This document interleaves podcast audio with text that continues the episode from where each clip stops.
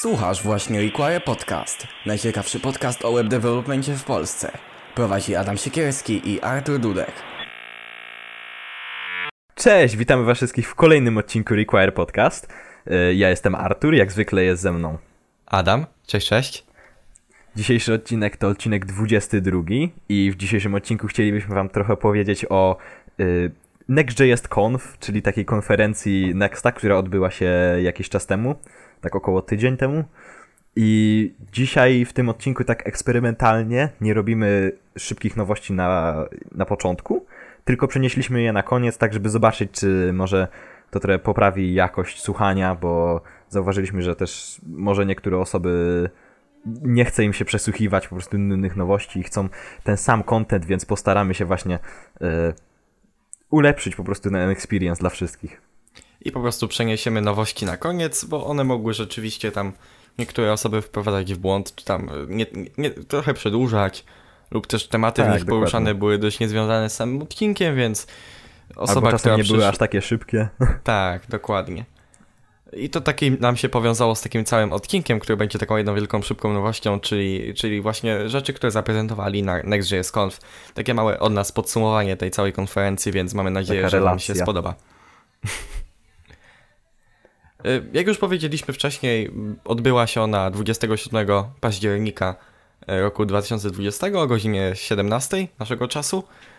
Y, I mieli i na tej konferencji było bardzo dużo prezentacji i było bardzo zaprezentowanych dużo. trochę rzeczy nowych. Y, Całym takim hasłem i przewodnim było to, że ona zmieni sposób, w jaki będziemy postrzegać frontend i w jaki będzie się pisało frontend.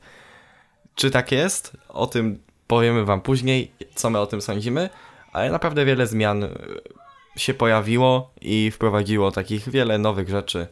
Y, Ułatwi nam wiele zadań, więc myślimy, że, że była to taka dość przełomowa konferencja.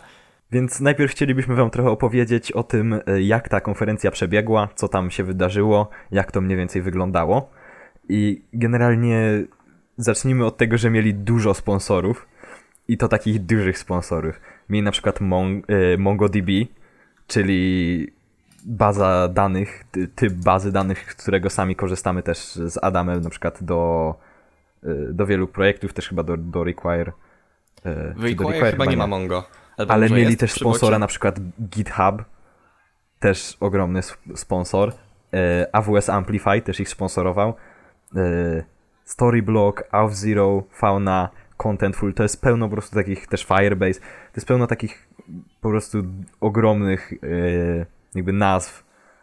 Netlify, e, pełno takich dużych jakby firm, czy, czy, czy właśnie nazw, e, jakie pewnie na 100% słyszeliście gdzieś kiedyś.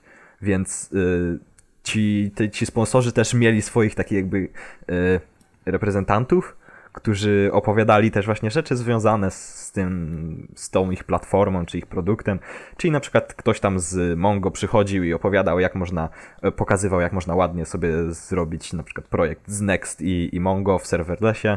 I generalnie bardzo fajnie to wyglądało, bo też y, bardzo edukacyjnie y, wiele tych, tych takich tych przedstawień było prowadzone właśnie bardzo Poza tym był jeszcze główny talk, y, główna, główny keynote, Tak. na którym ludzie z Nexta, y, z Vercela prezentowali zmiany od tak nich. sami w sobie.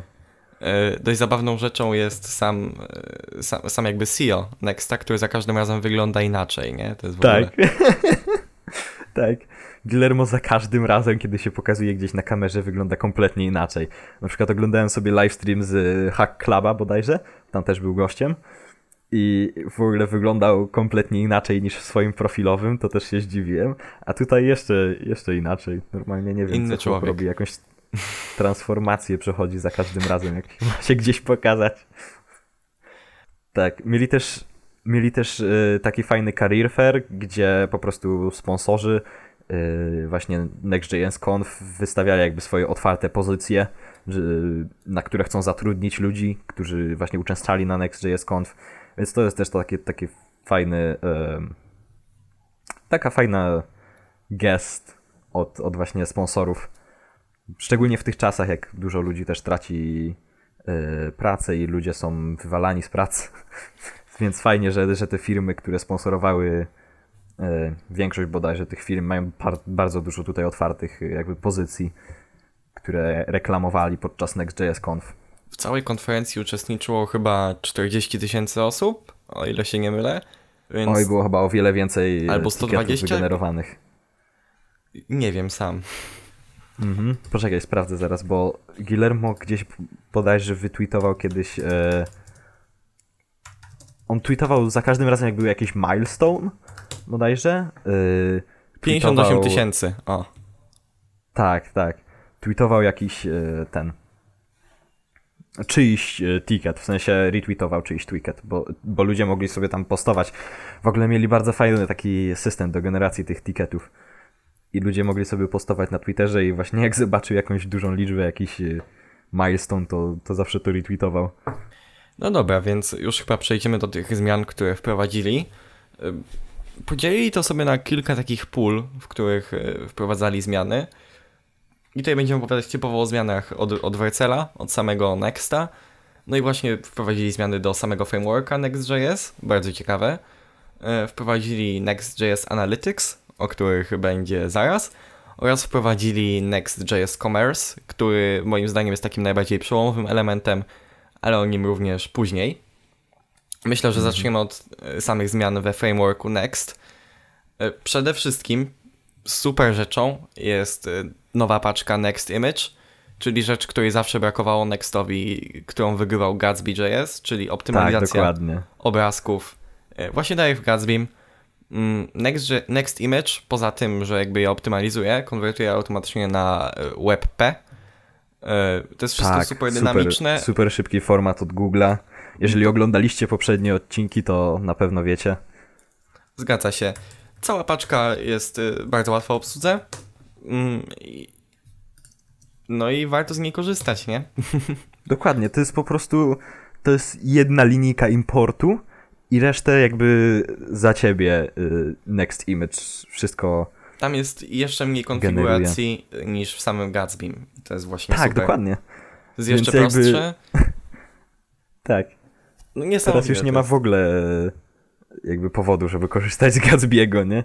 Tutaj możesz No. sobie serverless i w ogóle, Gatsby musi się postarać teraz, żeby, żeby, No. móc znowu, że- żeby móc znowu przebić Nexta, bo był taki czas, kiedy, kiedy Next tak lekko odstawał. Mieli tam jakieś Aha. swoje rzeczy, ale w Gatsbym pojawiło się te właśnie pobieranie danych, y, pojawiło się Static State Generation, jakby wszystkie takie rzeczy, którymi Gatsby wygrywał, a teraz Next dorównuje.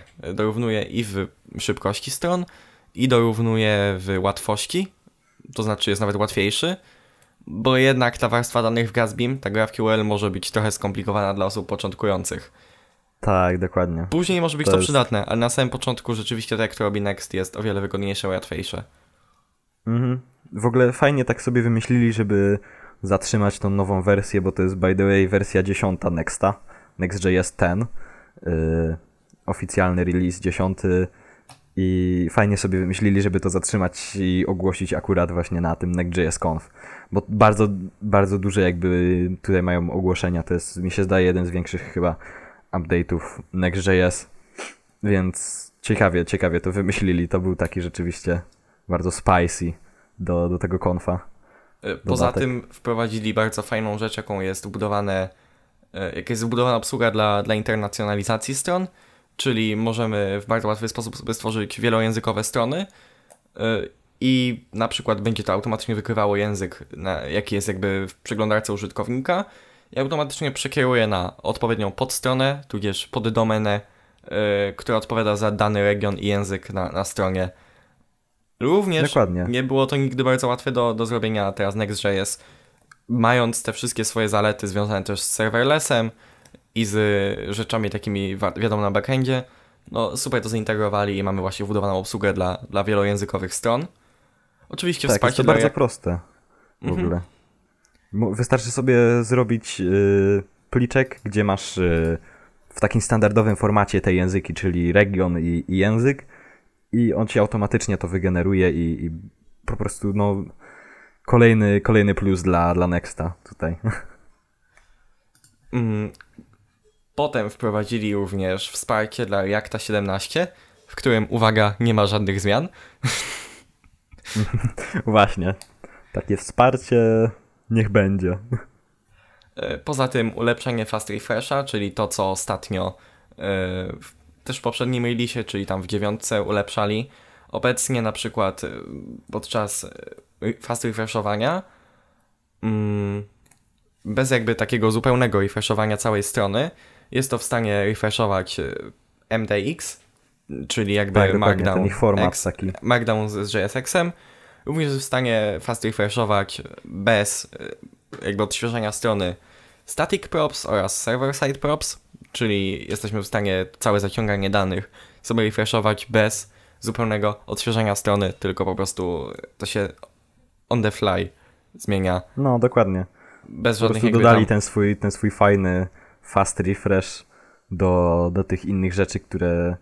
Bo na przykład, znaczy nie jestem pewien, nie, nie korzystałem jeszcze z MDX, ale wydaje się to generalnie bardzo, yy, bardzo fajne, ogólnie- że, że teraz nie, nie możliwość będzie po prostu refreshował. dołączania komponentów reaktowych do, do Tak, to jest po prostu, to jest tak jak masz zwykły Markdown, w którym możesz korzystać z HTML-a, to tutaj możesz korzystać z JSX-a. Tak, możesz Taki sobie markdown. ustawić provider, który będzie podawał jakby gotowe komponenty i w ten sposób jesteś w stanie tam do Markdowna dołączać dowolne miejsce jakieś tam gotowe, wiadomo, yy, Tak, więc jeszcze, elementy. s- jeszcze się z tym nie bawiłem, więc nie wiem jak to wyglądało y, wcześniej, ale powiedzieli nam na konfie, więc im ufam, że, że teraz będzie bez, y, bez całego refreshowania całej strony, od nowa, załadowania. No tak, no bo jakby wcześniej trzeba było odświeżyć całą stronę, żeby, żeby to Tak, żeby, Ctrl jakby R czy Ctrl zmieniły się Shift R. komponenty. Mhm. Y, Do tego pojawiła się zmiana mała w Next Linku, y, w którym to jest taka bardzo mała zmiana, w którym jakby nie trzeba będzie już dodawać y, dekoratora do ścieżki as. Takie No jakby sam nigdy nie rozumiałem zbytnio. Chodzi o to, Znaczy- że, że jakby mogliśmy zmień, jakby zmieniać e, to, jak, jak dana ścieżka wygląda po prostu w pasku przeglądarki, a w rzeczywistości Tak, przekierowuje nas na inną podstronę. To w Czyli na obecnym przykład momencie nie możemy trzeba będzie sobie- dodawać. Tak, możemy sobie przekierować na przykład y, do super long URL as y, na przykład 1, 2, 3 i wtedy po prostu przekieruje nas, wy, będzie wyglądało to, że przekieruje nas do, do slash na przykład 1, 2, 3, a nadal strona to będzie ta, ta do której y, przekierowaliśmy tam pod under the hood. Czyli Dokładnie. do tego super długiego URL. To też I się teraz to sprawdzało nie jest Przy potrzebne. dynamicznym routingu, że przekierowywaliśmy na dany jakby plik JS, ale żeby to rzeczywiście mogło nas tam przekierować, musieliśmy podać w parametrze as rzeczywistą ścieżkę y, również Mhm. do jakby samego, samego jakby dynami- dynamicznej ścieżki. Obecnie tego nie trzeba będzie robić, po prostu podajemy w link tu, czy tam href y, i tą jakby dynamiczną całą ścieżkę bez tego as już. To jest taka mała, ale Mhm. przydatna zmiana. Kolejną taką rzeczą jest e, takie nowe, fajne CLI od Nexta, CodeMod. To jest takie narzędzie, takie utility, które pozwala nam na bardzo łatwe, e, praktycznie instant zmienienie czy zaktualizowanie całego naszego codebase'u czy projektu do jakiegoś standardu, jakiegoś nowego feature'u. Powiedzmy wychodzi e, jakiś nowy update Nexta i coś jest zdeprecjonowane, ale my tego używamy wszędzie w projekcie. Możemy sobie po prostu odpalić code, code mod i on nam to, ten cały projekt automatycznie zaktualizuje. Jest tam pełno ciekawych właśnie takich Znaczy, dodatkowych opcji Bazuje do to, tego na, też. bazuje to na narzędziu CodeMod, które było zrobione przez Facebooka i ono bazuje, i ono działa w taki sposób, że jakby dajemy mu zestaw transformacji, które podczas danej aktualizacji to narzędzie ma wykonać na plikach. To jest mega takie fajne, ciekawe narzędzie do jakby refactoringu kodu. No i po prostu Next stworzył e, gotowe transformacje po prostu do tego narzędzia, dzięki czemu jakby za pomocą tego narzędzia, CodeMod, jesteśmy w stanie modyfikować i refaktorować i update'ować kod naszej strony. Y, Next.js to wszystko, oni to zbandlowali, wrzucili do jednej paczki i to jest teraz bardzo łatwe Tak, dokładnie. w użyciu. Na przykład jak mają ten y, fast refresh, o którym przed chwilą gadaliśmy, to można sobie skorzystać z tego ich transforma name default component, czyli po prostu y, zamienia wszystkie takie y, funkcje anonimowe, y, które nam eksportują, na przykład strony mamy jakieś czy komponenty, ale je eksportujemy jako anonimowe funkcje, czyli nie podaliśmy nazwy funkcji, to on nam po prostu sam podstawia automatycznie taką defaultową nazwę My Component na przykład, czy, czy jakaś inna, żeby po prostu to działało z fast refreshem, bo inaczej chyba nie działa. Tak, oni chyba tam Nie wymagają, żeby były jakieś normalne, żeby były te Tak, normalne musi, musi być nazwa, nie a może nie być anonimowe. anonimowa, Tak, bo tak, inaczej tak. nie działa ze fast refreshem, więc na przykład coś w tym stylu. Jeżeli na przykład nam nie działa fast refresh, to możemy sobie to odpalić. Więc z takich największych zmian w samym frameworku Next.js to już jest koniec. Y, Jak mówiliśmy, było ich dość dużo i Mhm. jest to chyba taka największa zmiana w samym jakby frameworku. No bardzo ciekawe. Mnie się osobiście najbardziej właśnie podoba Next Image oraz wbudowana Tak, to jest taka bomba, którą rzucili po prostu na Next.js Conf. i wbudowana internacjonalizacja. Mało osób zwraca na to uwagę, a to zawsze Tak, było dokładnie. To też mi się bardzo problematyczne do podobało. zrobienia. Mhm. Redirecty i w ogóle. Dokładnie, więc y, to zawsze trzeba było się trochę tam kombinować. Oczywiście były do tego frameworki w Reactie, no ale jeszcze nikt nie zrobił tego jakby w samym frameworku jako, jako Next.js, nie? Czy tam w Gatsby. Gatsby tego nie ma. No, nie jest to jakby wbudowane. Obecnie to jest w ogóle taka bitwa pomiędzy Nextem a Gatsby. Nie? Oni teraz się będą przerzucać nowymi rzeczami. Słyszałem, że teraz Gatsby będzie wprowadzać e, funkcje Gatsby Functions, które będą działały niemalże tak samo jak Next Functions, czy tam Vercel Functions, ale będą wydeployowane na, na Gatsby Cloud. Um, no, ogólnie jest teraz taki po prostu stała po prostu przepychanka między tymi dwoma frameworkami.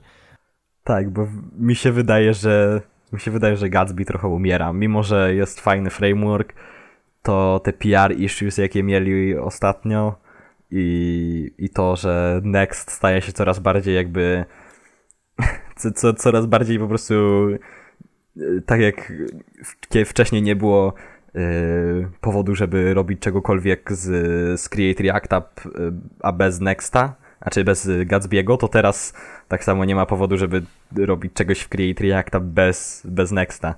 Jakby coraz bardziej mi się zdaje przejmuje ten Next, bo można sobie robić wszystko, nieważne w jaką stronę nasz projekt pójdzie, to możemy sobie od razu dodać na przykład jakieś serverless functions. czy Znaczy, to jest, to Więc jest taka jakby chyba- zdrowa konkurencja i po prostu to spowoduje, Tak, że, tak. że oba frameworki będą cały czas ze sobą walczyły o, o deweloperów. Chociaż z drugiej strony, jeżeli jeden z nich e, nie wyrobi, no to po prostu drugi wygra i, jakby i będzie miał monopol. Tak, chociaż właśnie nie podoba mi się za bardzo to, y, ta taka rywalizacja ze strony Nexta, znaczy Gatsby'ego, że oni próbują się bardzo upodobnić do, do tego Nexta, bo aż jakby to, te frameworki miały trochę inne zastosowania. Mimo wszystko Nexta nie powinno się wszędzie stosować. Był nawet fajny taki talk na, y, na Next.js Conf, gdzie nie korzystać z Nexta, bo niektórzy mogą po prostu tak się podekscytować, że będą w każdym projekcie używać, ale są, są naprawdę takie momenty, gdzie trzeba chillować i nie korzystać z tego Nexta. I tak samo z Gatsby'ego też trzeba korzystać yy, w odpowiednich jakby przypadkach. I nie podoba mi się to, że Gatsby tak teraz bardzo blatantly yy, zrage'ował się i, i mówi, no dobra, no to jak ludzie lubią Nexta, to, to teraz zwalniemy coś takiego, o, Gatsby, Functions, Functions. Next.js zrobił Functions, no to dobra, zrobimy też, kurde, Functions, a, macie. I, i to tak trochę y, wybija cały, całą grę frameworkową z takiego pięknego układu, jaki miał wcześniej w stylu Vue CLI i Create React App byli takimi bazowymi drzewkami i potem z Vue CLI wychodził Gridsom i Nuxt, a z y, Create React App wychodził Gatsby i Next. I to były takie swoje odpowiedniki, a teraz Gatsby coraz bardziej się wychyla jakby poza, poza ten taki standard i, i to, w czym powinni się specjalizować. Tutaj też y, jakby Next dorzucił powiedzmy ten static site generation, e, czyli coś, w czym zawsze się Gatsby zajmował. Teraz Chociaż Gatsby oni będzie mówili też- te takie dynamiczne rzeczy typu SSR, typu Gatsby Chociaż- Functions. Y, właśnie oni mówili, że ich założeniem od samego początku był, y, był taki framework all-in-one, że masz static site generation i server-side rendering i na przykład serverless functions. I tak to rzeczywiście bodajże robili od samego początku, więc jakby Next od samego początku wspierał y, jakby był takim all-in-one y, jednym miejscem, gdzie miałeś też na przykład y, static site generation, ale nie było to aż tak bardzo ciśnięte. Y, Znaczy, jak w sumie na nadal teraz, w stylu... w, sumie, w sumie nadal teraz y, Next jeszcze nie jest takim jak Gatsby, nie? Bo tam w Gatsby jakby typowo się koncentrujesz na, na właśnie pobieraniu tych danych, co cała warstwa danych w GraphQL-u. To wszystko jednak jest nadal skoncentrowane pod wrzucenie danych y, do warstwy w trakcie Tak, builda i następnie możliwość pobierania ich w dowolnym komponencie. W Nexcie to jest jeszcze takie bardziej, to nie jest aż tak zrobione, wiesz, maksymalnie po prostu z koncentracją na tą warstwę danych, bo tam po prostu pobierasz sobie jaką funkcję w, w pliku strony, nie? Umieszczasz funkcję i ona wtedy dodaje Mhm. propsy do danego komponentu. Więc jesteś w stanie zrobić to samo, w Nextie obecnie nawet więcej, ale chcąc zrobić powiedzmy bloga, no nadal bym wybrał do tego Gatsby'ego. Tak, tak samo. Więc jakby Next to jest coś, jakbyś chciał budować kurde całego Facebooka od początku. Tak, to jest, to jest właśnie taki nowoczesny Yy, framework, do, który może się skalować tak. fajnie. Dokładnie. Jakbyś chciał budować Facebooka od początku i masz rzeczy w stylu właśnie takie bardziej przy serwerze, takie e, bardziej full stackowe, że na przykład możesz sobie od razu jakieś, jakieś API do tego dołączyć, czy jakąś interaktywność bardziej, a Gatsby, Gatsby bardziej się chyba skupia na tym takim, czy raczej powinien się skupiać na takim e, performance i, i właśnie tym, tym, żeby było to jak naj, naj, jak najlepiej wypadało to, jeśli chodzi o takie strony bardziej statyczne. E, No, czyli to, to, to o czym się e, sławili właśnie No, no przez jakiś czas. Gatsby Functions, jestem ciekawy. To jest na razie RFC i napisali Dokładnie. o tym y, na Gatsby blogu, więc nie wiemy, czy to zostanie w ogóle wprowadzone, ale z tego co wygląda, to planują to zrobić. I zintegrować to z Gatsby Cloud, więc nie wiem, jak to będzie miało wyglądać. Posta postawienie Tak, hostingu jest- na Gatsby Cloud. I jakaś powinna jak- też się pojawić, może nie wiem, integracja z Wercelem. Tak, dokładnie. Chociaż wątpię, że to zrobią. No, To jest tak jak takie dziecko w przedszkolu zakłada jakiś klub, a drugie dziecko się na nie obraża i zakłada swój własny klub.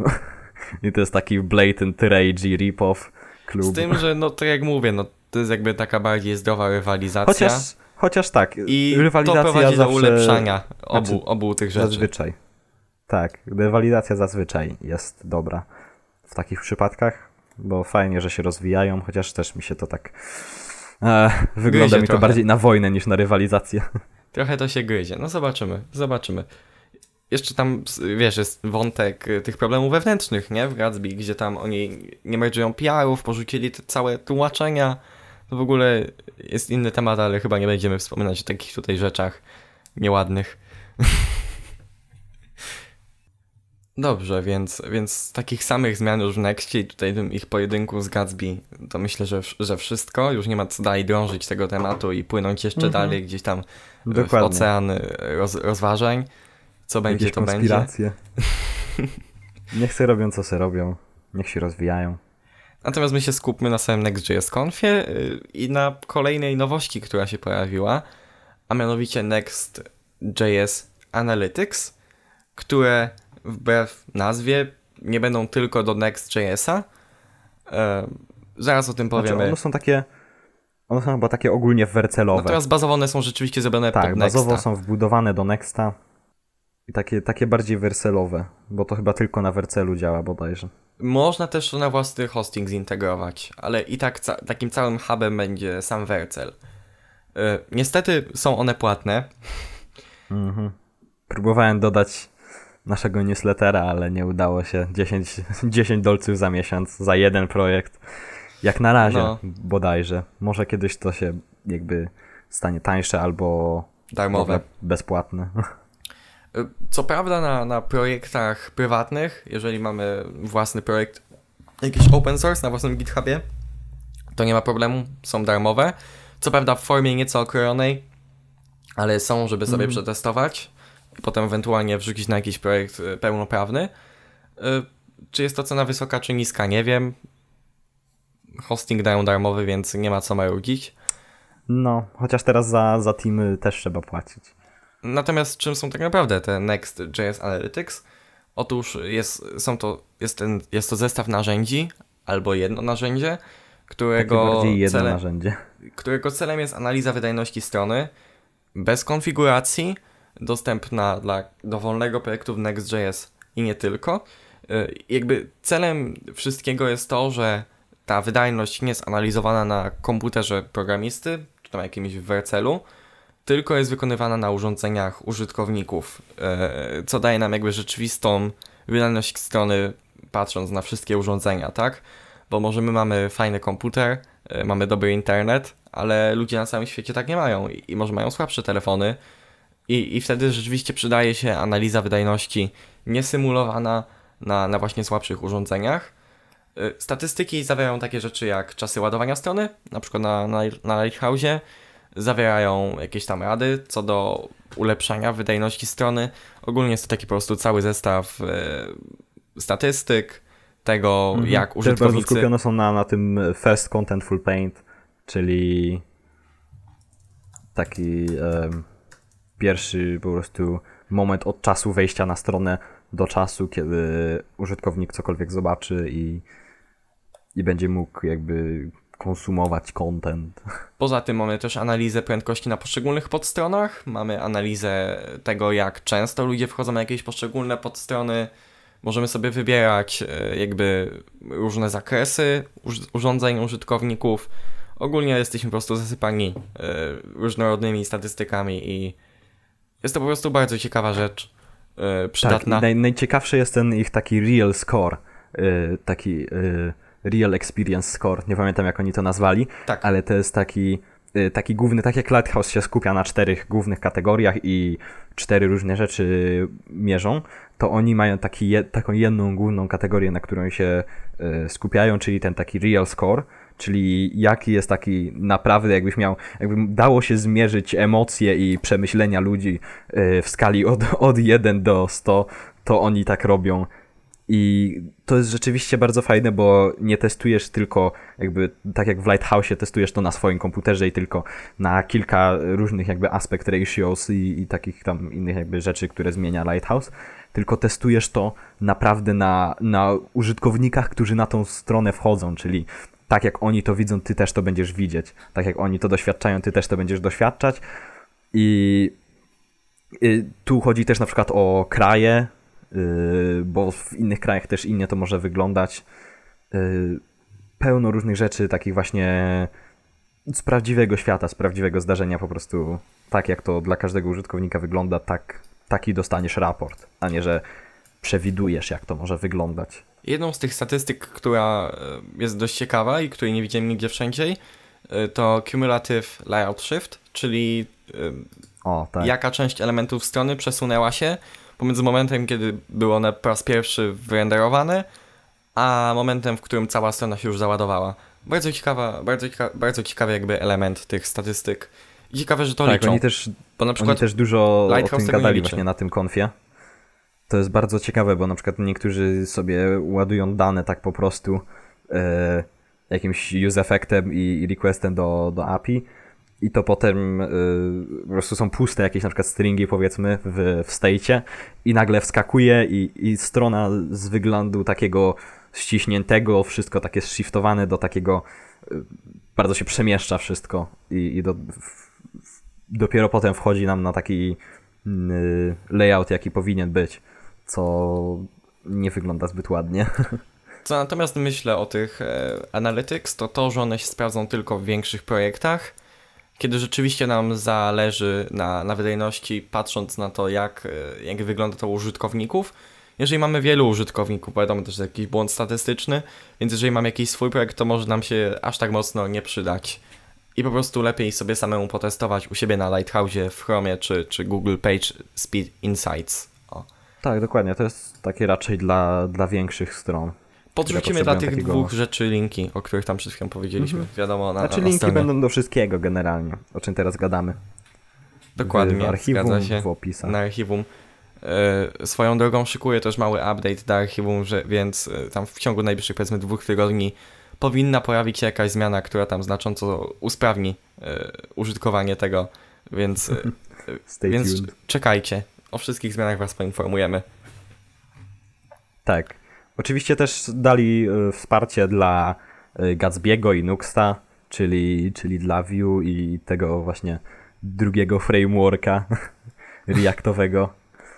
Yy, no, fajnie generalnie, że można to sobie jakby te, te, te Vitalsy obczaić w, w innych też rzeczach. No, generalnie, na, znaczy oryginalnie jest to przeznaczone, bardziej zbudowane pod Nexta i pod Vercela, ale oczywiście udostępniają też właśnie takie pluginy dla Gatsby'ego i co jest moim zdaniem fajne. No i propsy dla nich. Znaczy właśnie to jest fajne, że, że, że do Gatsby'ego też dorzucają automatycznie e, te Next.js Analytics. Po prostu to się wszystko podczepia i, i po prostu działa. To jest bardzo fajna No rzecz. tak, tak, bo Next jest po prostu epicki, dobry sportsmanship. Nie będą się z Gatsby bić czy coś. Właśnie to mnie zastanowiło, że tam po raz pierwszy jak, to, jak o tym zobaczyłem, to że to będzie tylko i wyłącznie dla Nexta, a teraz kilka dni później patrzę, a tam o, Gatsby plugin Vercel i rzeczywiście to, to jest w stanie współpracować ze sobą. Bardzo fajnie, podoba mi się. I to nie jest Tak, żadne takie to jakieś, tak wiadomo, y, jakieś sklejone z nie wiadomo czego, nie, to jest po prostu normalne rozwiązanie od Vercela, znajduje się na ich, na ich GitHubie oficjalne. i jest automatycznie podłączane do dowolnego projektu, jaki deployujecie, więc nie musicie nawet tego instalować samemu, więc to jest też fajne. Mhm. Kolejną taką dużą rzeczą, którą też e, pokazali na, na Next.js Conf, odkryli, jest Next.js Commerce, czyli taki duży jakby template gotowy do e-commerce'u w Nextie i, i w Vercelu, który jest bardzo zoptymalizowany i bardzo ułatwia tworzenie jakiegokolwiek, e, jakiegokolwiek sklepu, e, strony sklepowej, bo w dzisiejszych czasach e-commerce to jest e, bardzo duży e, jakby aspekt internetu. Jakby Bardzo mówiąc duży- to, że zrewolucjonizują internet, to właśnie chyba myśleli o tym, właśnie o Next.js Tak. Commerce, bo jest to taka największa zmiana, bo chyba Mhm. nigdy nie było takiego rzeczywistego, z, z prawdziwego zdarzenia frameworka do Reacta, w którym moglibyśmy pisać rzeczywiste e, sklepy, nie? Bez tam pisania w ogóle Mhm. jakiejś niesamowitej ilości kodu i ogarniania wszystkiego samemu. Oni po prostu wszystko zrobili gotowe od zera. Y, Mamy ten gotowy template, który możemy zaimplementować do naszego projektu w Nextie, wiadomo. Mm, Obecnie jest on w stanie bez problemu współpracować z BigCommerce, czyli taką jedną z headless platform do, do e-commerce'u. Y, Tak, i oni też ich sponsorowali, by the way, na, na byli sponsorami, gadali, mieli jakieś toki na właśnie na Next.js Conf. No bo oczywiście. Tak jak mamy headless Wiadomo. CMS-y, czyli takie tak, blogi, tylko że headless, to tak samo mamy obecnie rozwiązania headless commerce, które będą za nas ogarniać jakiś koszyk, będą za nas ogarniać produkty, będą za nas ogarniać płatność i takie różne inne rzeczy. E, Bardzo fajnie, że takie rzeczy się pojawiły, bo e, no w sumie nie było takiej nowoczesnej formy robienia sklepów. Wszyscy musieli albo z WordPressa plus e, WooCommerce, albo Ja kiedyś- z PrestaShopa korzystać. Ja kiedyś korzystałem z Seli albo z Shopee. To są takie strony, które jakby gotowe dają ci opcję sklepu, gdzie możesz sprzedawać e, jakieś takie digital goods, czyli jakieś pliki, jakieś e, kody. I... Shopee, e, czekaj, Sho- Shopify, o, to znam na przykład. Tak, On Shopify taki to jest taki bardziej. Oni też mi coś tam był jakiś reprezentant właśnie Shopify na, na Next.js Conf, ale oni są bardziej takim popularnym, takim ogólnym jakby właśnie commerce. Tak, oni działają e, pomiędzy, ale mają też swoją integrację z Gatsbym i z, Mhm. i z Nextem. Tylko, że oni A- nadal nie są aż tak nastawieni na to bycia headless i, i wiadomo. Natomiast tak, a tak Big wcześniej Commerce... to korzystałem po prostu z, z Seli i Shopee, żeby e, e, po prostu te embedy ich, które dawali, e, wstawiać jako po prostu pod przycisk jakiś w HTML-u, co trochę painful. Natomiast Big Commerce właśnie jest typowo headless yy, i jesteśmy w stanie po prostu wszystko od, podczepiać jakby tylko i wyłącznie pod Nexta jest on zoptymalizowany pod właśnie takie yy, strony, które nie są stronami fullstackowymi, tylko mamy typowy frontend i oni dają nam po prostu gotowy backend do, do, Tak, do e-commerce'u. To jest coś w stylu Sassify, taki też inny e, e-commerce'owy właśnie e, nie wiem jak to nazwać, serwis. Oni to też bardzo ładnie e, wytłumaczyli, jak to działa na swojej stronie, gdzie masz podzielone na boring stuff, czyli te wszystkie subskrypcje, płatności, e, autentykacja użytkowników, jakieś API, docsy, e, cokolwiek. I potem masz po drugiej stronie fan stuff, czyli e, tworzenie swojego produktu, budowanie swojej strony, zarabianie na tym I, i właśnie to tak bardzo ułatwia generalnie. Nie trzeba wszystkiego od, od samego początku robić, więc commerce to jest e, bardzo duży rynek. Bo oni też mówili na, na Next.js.conf, że y, przez tą całą sytuację covidową to commerce też jakby znaczenie komersu, y, jeśli chodzi o internet, skoczyło jakieś tam y, jakby sporo razy do góry po no prostu. Bo jakby ludzie zamawiają więcej rzeczy przez internet, Mhm. więc wreszcie musiała powstać jakaś gotowa platforma, albo po prostu łatwa w ustawieniu platforma yy, do właśnie nowoczesnego podejścia do e-commerce'u. No i powstało takie jakby w formie template'u, ale nie do końca, bo możemy wystartować sobie projekt. W przyszłości będzie możliwość wybrania sobie gotowego template'a dla danego yy, e-commerce'u. Wszystko mamy ładnie zintegrowane przez Vercela. My nie musimy żadnych tam w ogóle env variables ustawiać ani nic. Wszystko robi za nas Vercel. My tylko po prostu wchodzimy na gotowy projekt i możemy sobie ustawiać sam frontend sklepu. Yy, bardzo Tak. fajne. Sobie to tym na, na swojego. GitHuba i ciekawie to wygląda. Mhm. No do tego wiadomo, oni dorzucili e, te wszystkie rzeczy, które pojawiły się w nowym Nextie, czyli Next Image e, i oraz ta ich super wydajność. Demo podrzucimy wam do, do tego mm, na wiadomo w archiwum, więc możecie sobie zajrzeć. Też taką dużą rzeczą, która wydarzyła się podczas Next.js.conf, na którą wyczekiwało pewnie wiele osób, między innymi ja, chociaż nie udało mi się wziąć w tym udziału, był ich swag drop. Czyli Najważniejsza rzecz, wszyscy chcą tak, mieć naklejki, wszyscy merchandise, chcą oficjalny mieć merchandise. Dokładnie. Tak jak Gatsby miał już od jakiegoś czasu oficjalny merchandise i nawet go dawali za darmo kontrybutorom, to Next.js odpalił taki, podczas Next.js Confu właśnie taki y, tymczasowy limited edition, limited drop, y, y, taki właśnie merch, merchandise y, i mówili, że z tego co pamiętam, to środki, y, które właśnie miały te przychody z tego, z tego limited dropu, y, miały pójść na pomoc COVID-em, do ludzi w potrzebie właśnie z COVID-em. Taki trochę charity work. Z jednej strony fajnie, z drugiej strony dość nie podoba mi się sp- sposób, w jaki oni to poprowadzili, bo zrobili ten cały drop e, jakby z pomocą e, w partnerstwie z takimi firmami takimi streetwearowymi, które koncentrują się na jednak droższych rzeczach, no i rzeczywiście te Mhm. rzeczy nie były tanie, nie? Tak, były...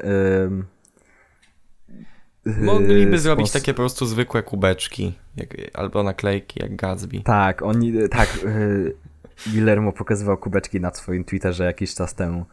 Bardzo mi się podobały. Szkoda, że jednak, że ich nie dropnęli. Ale generalnie yy, współpracowali razem z Drop Party, żeby zrobić taką super bluzę. Bardzo ładną. I drogą. I, i no taką, mm, no, czy ja wiem, czy drogą, aż tak bardzo. Em, I z Kid Super, e, czyli jeszcze, jeszcze o wiele e, jakby bardziej burzy e, ten drop był, bo było tego pełno, masa po prostu. I to nie były takie produkty stylu, no, koszulka Wercel, naklejeczka, może jakiś długopisik. To były dosłownie torebki Louis Vuitton z, z customowym, po prostu wercelowym nadrukiem. Po prostu takie, pełno takich drogich rzeczy, takich bardzo burzy. Takie rzeczy, które... którymi się ludzie flexują, raperzy. No, dokładnie.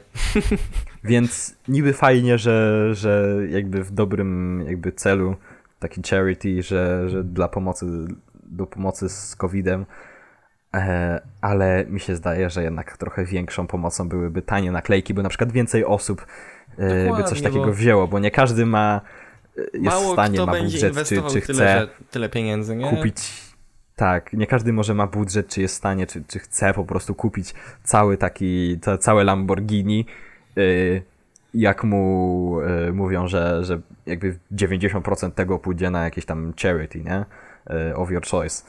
Y, ale ludzie na przykład, którzy sobie kupią jakąś naklejkę, z, czy, czy, czy dwie, czy trzy za, Ja bym z chęcią dolca, sobie czy... przyjął takie właśnie naklejeczki, czy, czy nie wiem, no, t-shirt, jakiś czapeczkę, czy cokolwiek.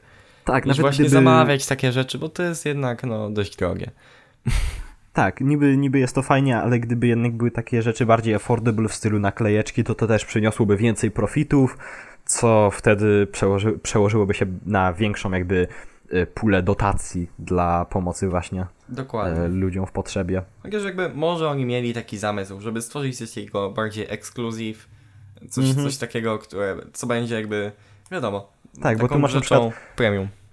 Tak, na przykład 100 osób kupi i, i z tego przekażą e, od każdej osoby 50 dolców, a tak to jakby na przykład jakieś naklejki wrzucili za jakieś 3 dolce, 4 czy 5 dolców może nawet, to te naklejki kupiłoby z kilka tysięcy osób i, i od każdego przyszłoby chociaż, chociaż na przykład ten 1 dolar czy 2 dolary. Wercel staje To- się takim jakby Applem wśród, wśród e, takiego środowiska się frontendowego, nie? E, Programistycznego Tak trochę. ogólnie. Tak trochę, bardzo, bardzo generalnie taki, e, taki w stylu Apple vibe miał ten konf. Ale podobało mi się, bardzo, bardzo fajnie to, to prowadzili. W ogóle całe, y, cały konf był prowadzony w czterech różnych takich stage'ach. Y, tak śmiesznie mieli podzielone stage N, stage E, stage X i stage T, czyli y, wszystkie litery next, N, I, N, E, X, T. I na każdym stage'u y, naraz był prowadzony co najmniej jeden. W nie, niektóre stage były podzielone na przykład y, w jednej sesji mogły być na przykład dwa toki y, krótsze, ale aż trudno było wybrać co, co oglądać i czego słuchać.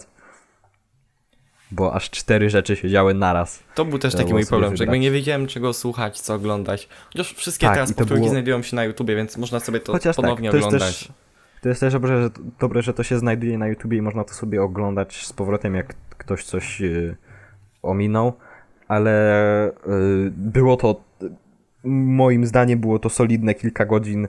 Y, normalnie taki, taki, taki konf by tyle trwał, tylko że oni to mieli razy cztery, nie? bo mieli jakby e, pełno osób, po prostu gadających, pełno speakerów. Plus dało to taką nam jakby możliwość wyboru tego, co chcemy oglądać. Chociaż tutaj też to nie było jakby jakieś specjalnie idealne, bo były powiedzmy godziny, kiedy nic mnie nie interesowało, a były godziny, A były kiedy godziny, gdzie dwie trzy czy rzeczy. trzy. Mhm. Tak. Ale na szczęście można sobie wszystko obejrzeć y, potem na YouTubie, więc. Oczywiście link będzie podrzucony. Mhm. I myślę, że to koniec samego Next.js Confa. Jak już wcześniej zapowiedzieliśmy, teraz sobie przejdziemy na szybko e, do szybkich nowości i, i, i to będzie koniec. Mm, więc Tak, tak na koniec szybkie nowości. Pierwsza nowość to jest Node wersji 15, e, który jak zwykle nie wprowadza jakichś specjalnie dużych zmian w samym, e, przy jakby samym tym releasie 15.00. Zazwyczaj oni jakby wprowadzają zmiany bardziej patrząc na, na zmiany z samego JavaScriptu. No jakby sam Node nie ma nam zbyt wiele do dania i do pozmieniania, bo wszystko jakby powiedzmy działa. Mm, Chociaż wprowadzona została taka ciekawa rzecz jak Abort Controller, e, który pozwala nam na jakby mm, kontrolować swego w pewien sposób e, przerywanie działania danych promisów. Jesteśmy w stanie jakby kontrolować działania takich asynchronicznych tasków e, i działa to na podstawie eventów, więc jesteśmy w stanie trakować moment, w którym powiedzmy zostanie jakiś task przerwany. E, dość ciekawa rzecz, fajne API. Mhm. może będziemy korzystać, chociaż nadal to jest tylko w Node wersji 15, więc zanim ta cała wersja się zaadaptuje do, do innych jakby wersji i póki jakby ona wejdzie w ten mainstream, no to jeszcze trochę czasu minie. E, Mhm. Poza tym pojawiła się nowa wersja NAPI, czyli tego API Node'a do C++ do pisania pluginów, jeżeli ktoś się tym interesuje. Mm, oraz pojawił się NPM 7 razem z Node'em 15 i to jest Tak. chyba taka najbardziej dla nas zmieniająca zmiana. E, NPM 7 zawiera natywne wsparcie dla, dla pliku yarn.log, czyli pliku, w którym e, NPM zapisuje sobie te informacje o dokładnych numerach pobranych paczek. Więc teraz już nie będzie tego konfliktu, że jeden deweloper korzysta z Yarna, drugi korzysta z NPM-a i jest i package log, i yarn log, i potem to się kłóci trochę. Chyba nawet o tym mówiliśmy w ostatnim odcinku, Było więc w ostatnim teraz to odcinku. jest jakby. Było, było w ostatnim odcinku z, z Romanem. Tak, Jeżeli ktoś nie przesłuchał, to jakby... naprawdę zachęcamy do przesłuchania, bo wyszedł bardzo fajny odcinek. Tak, tak, bardzo, bardzo fajne przemyślenia od Romana też. Chociaż mam wrażenie, że bardzo wiele osób właśnie przyszło tutaj dzięki temu odcinkowi, więc, e, więc No, miło na nam, pewno- jeżeli, tak, jeżeli takie osoby tutaj są. E, Widzieliśmy miłe komentarze na YouTubie, dziękujemy za Wszyscy się- wszystkie miłe cieszymy komentarze. Jeden komentarz, ale dobra. Dwa. No, aż dwa, no dobra. Ale No. fajnie, że, że ten NPM 7 jest teraz jakby e, bundled. Dokładnie. E, Poza tym pojawiła się nowa wersja Gita, Git 2.29 i to są takie po prostu zmiany dla takich typowych po prostu wymiataczy w Gicie. Mówiąc szczerze, nie będę nawet próbował ich e, opisywać, bo, bo nie jestem aż po prostu na takim poziomie w Gicie. Po prostu podrzucamy wam link i możecie sobie przeczytać. Jeżeli ktoś tam jest jakimś takim świrem gitowym, po prostu ogarnia wszystko, nie? Tak, to nie jest jakby nic takiego ważnego w stylu yy, o już nie będziesz mógł komitować i puszować zmian na, na remote repo. Nie, no to jakby wszystko zostaje tak samo, po prostu mają jakieś takie nowe, ciekawe jakby em, rzeczy, które, które, z którymi eksperymentują, które dodali, jak jakiś em, osoba, która bardzo się tym interesuje, bardzo się gitem interesuje, może się to komuś przydać, jeżeli Jakby ktoś taki jest. Moim takim szczytem w ogóle robienia rzeczy w Gicie to jest po prostu poznanie aliasów wszystkich. No, ale to głównie Na przykład, to jest o, po prostu... Ostatnio się nauczyłem takiego fajnego aliasu, GAA, e, taki, taki dość podstawowy, który dodaje po prostu wszystkie zmiany, GC-M do zrobienia commitu i jest taki bardzo fajny alias GG push, e, GG push, że e, wiadomo. I chodzi o to, że on jest w stanie, jakby nie musimy podawać e, brancha, na którego po prostu wrzucamy zmiany, po prostu wpisując GG push, on automatycznie nam pushuje na brancha o tej nazwie, e, o nazwie brancha, na którym my obecnie jesteśmy, na domyślny upstream, czyli tam powiedzmy origin. I po prostu GG push jesteśmy w stanie spuszować zmiany na, na jakby brancha, na którym obecnie jesteśmy, czyli powiedzmy robimy sobie nowego brancha, wprowadzamy jakieś zmiany, pracujemy, pracujemy, pracujemy i chcemy już zrobić pull requesta. No to wtedy robimy sobie GG push i on pushuje nam te zmiany na brancha, na remote o takiej samej nazwie jak nasz obecny branch i wtedy w łatwy sposób jesteśmy w stanie zrobić pull requesta, a nie robić git push origin nazwa brancha, nie? I, i potem przypisywać tę nazwę obecnego brancha, żeby to tak wyszło. Taki bardzo fajny alias. y, polecam sobie w ogóle te aliasy ustawić. One są domyślnie dostarczone powiedzmy z, OM, y, z OMI ZSH, y, więc polecam sobie z nich korzystać. Bardzo przyspieszają i ułatwiają pracę z gitem. No, większość takich y, rzeczy związanych z Gitem y, dla 90% chyba deweloperów y, ogranicza się do y, git init, git add, git commit, y, myślnik m, y, git push i tyle, No. i git pull. Jakby my wykorzystujemy tylko jakby- 10% gita, pozostałe a to jest- 90% to jest pozostaje dla ludzi, takich którzy właśnie- są po prostu... Takich nerdów gitowych. I dla Linusa Torvalca. Torvalca. Le legenda głosi, że wszystkie feature'y Gita zna tylko Linus Torvalds. No. E, Poza tą nowością mamy jeszcze nowość ostatnią e, o tym, że wyszedł React 17, w którym, uwaga, no new features. Mhm. Piszą to na samym początku. W ogóle nazwali ten tekst. cały release, nie? Nazwali ten cały release o nazwie no new features. Mhm. Szczerość. To już, to już było generalnie chyba ym, jakby zapowiedziane Już dość dawno. dosyć dawno, ale y, oficjalnie tak oktober 20 było to wydane, wersja 17, gdzie po prostu upgrade'ują rzeczy, skupiają się bardziej na takim e, jakby ulepszaniu tego, co jest aktualnie. To, co Nie ostatnio zrobił dodają nic Webpack, takiego nowego. czyli po prostu Tak, posprzątali obecny kod i przygotowali pod przyszłe zmiany. Mhm, I to jest dobre. Każdy czasem potrzebuje. To jest dobra rzecz, którą można robić w pandemii. Po prostu sprzątać obecny kod. Ostatnio tam w kilku moich projektach właśnie takie coś zrobiłem. Nie robię żadnych nowych rzeczy, bo, bo mi się nie chce. Po prostu sprzątam obecny kod i, i jest fajnie. Tak, żeby był do, do najnowszych standardów. Ostatnio moją prywatną stronkę przerzuciłem na Vue 3. e, W innym projekcie refaktoruję aktualnie style na Style Components. Takie zmiany, które jakby nie zmieniają żadnych feature'ów, a sprzątają stronę codebase'u. Mhm. Mówiąc o sprzątaniu, e, posprzątajmy już e, cały ten odcinek.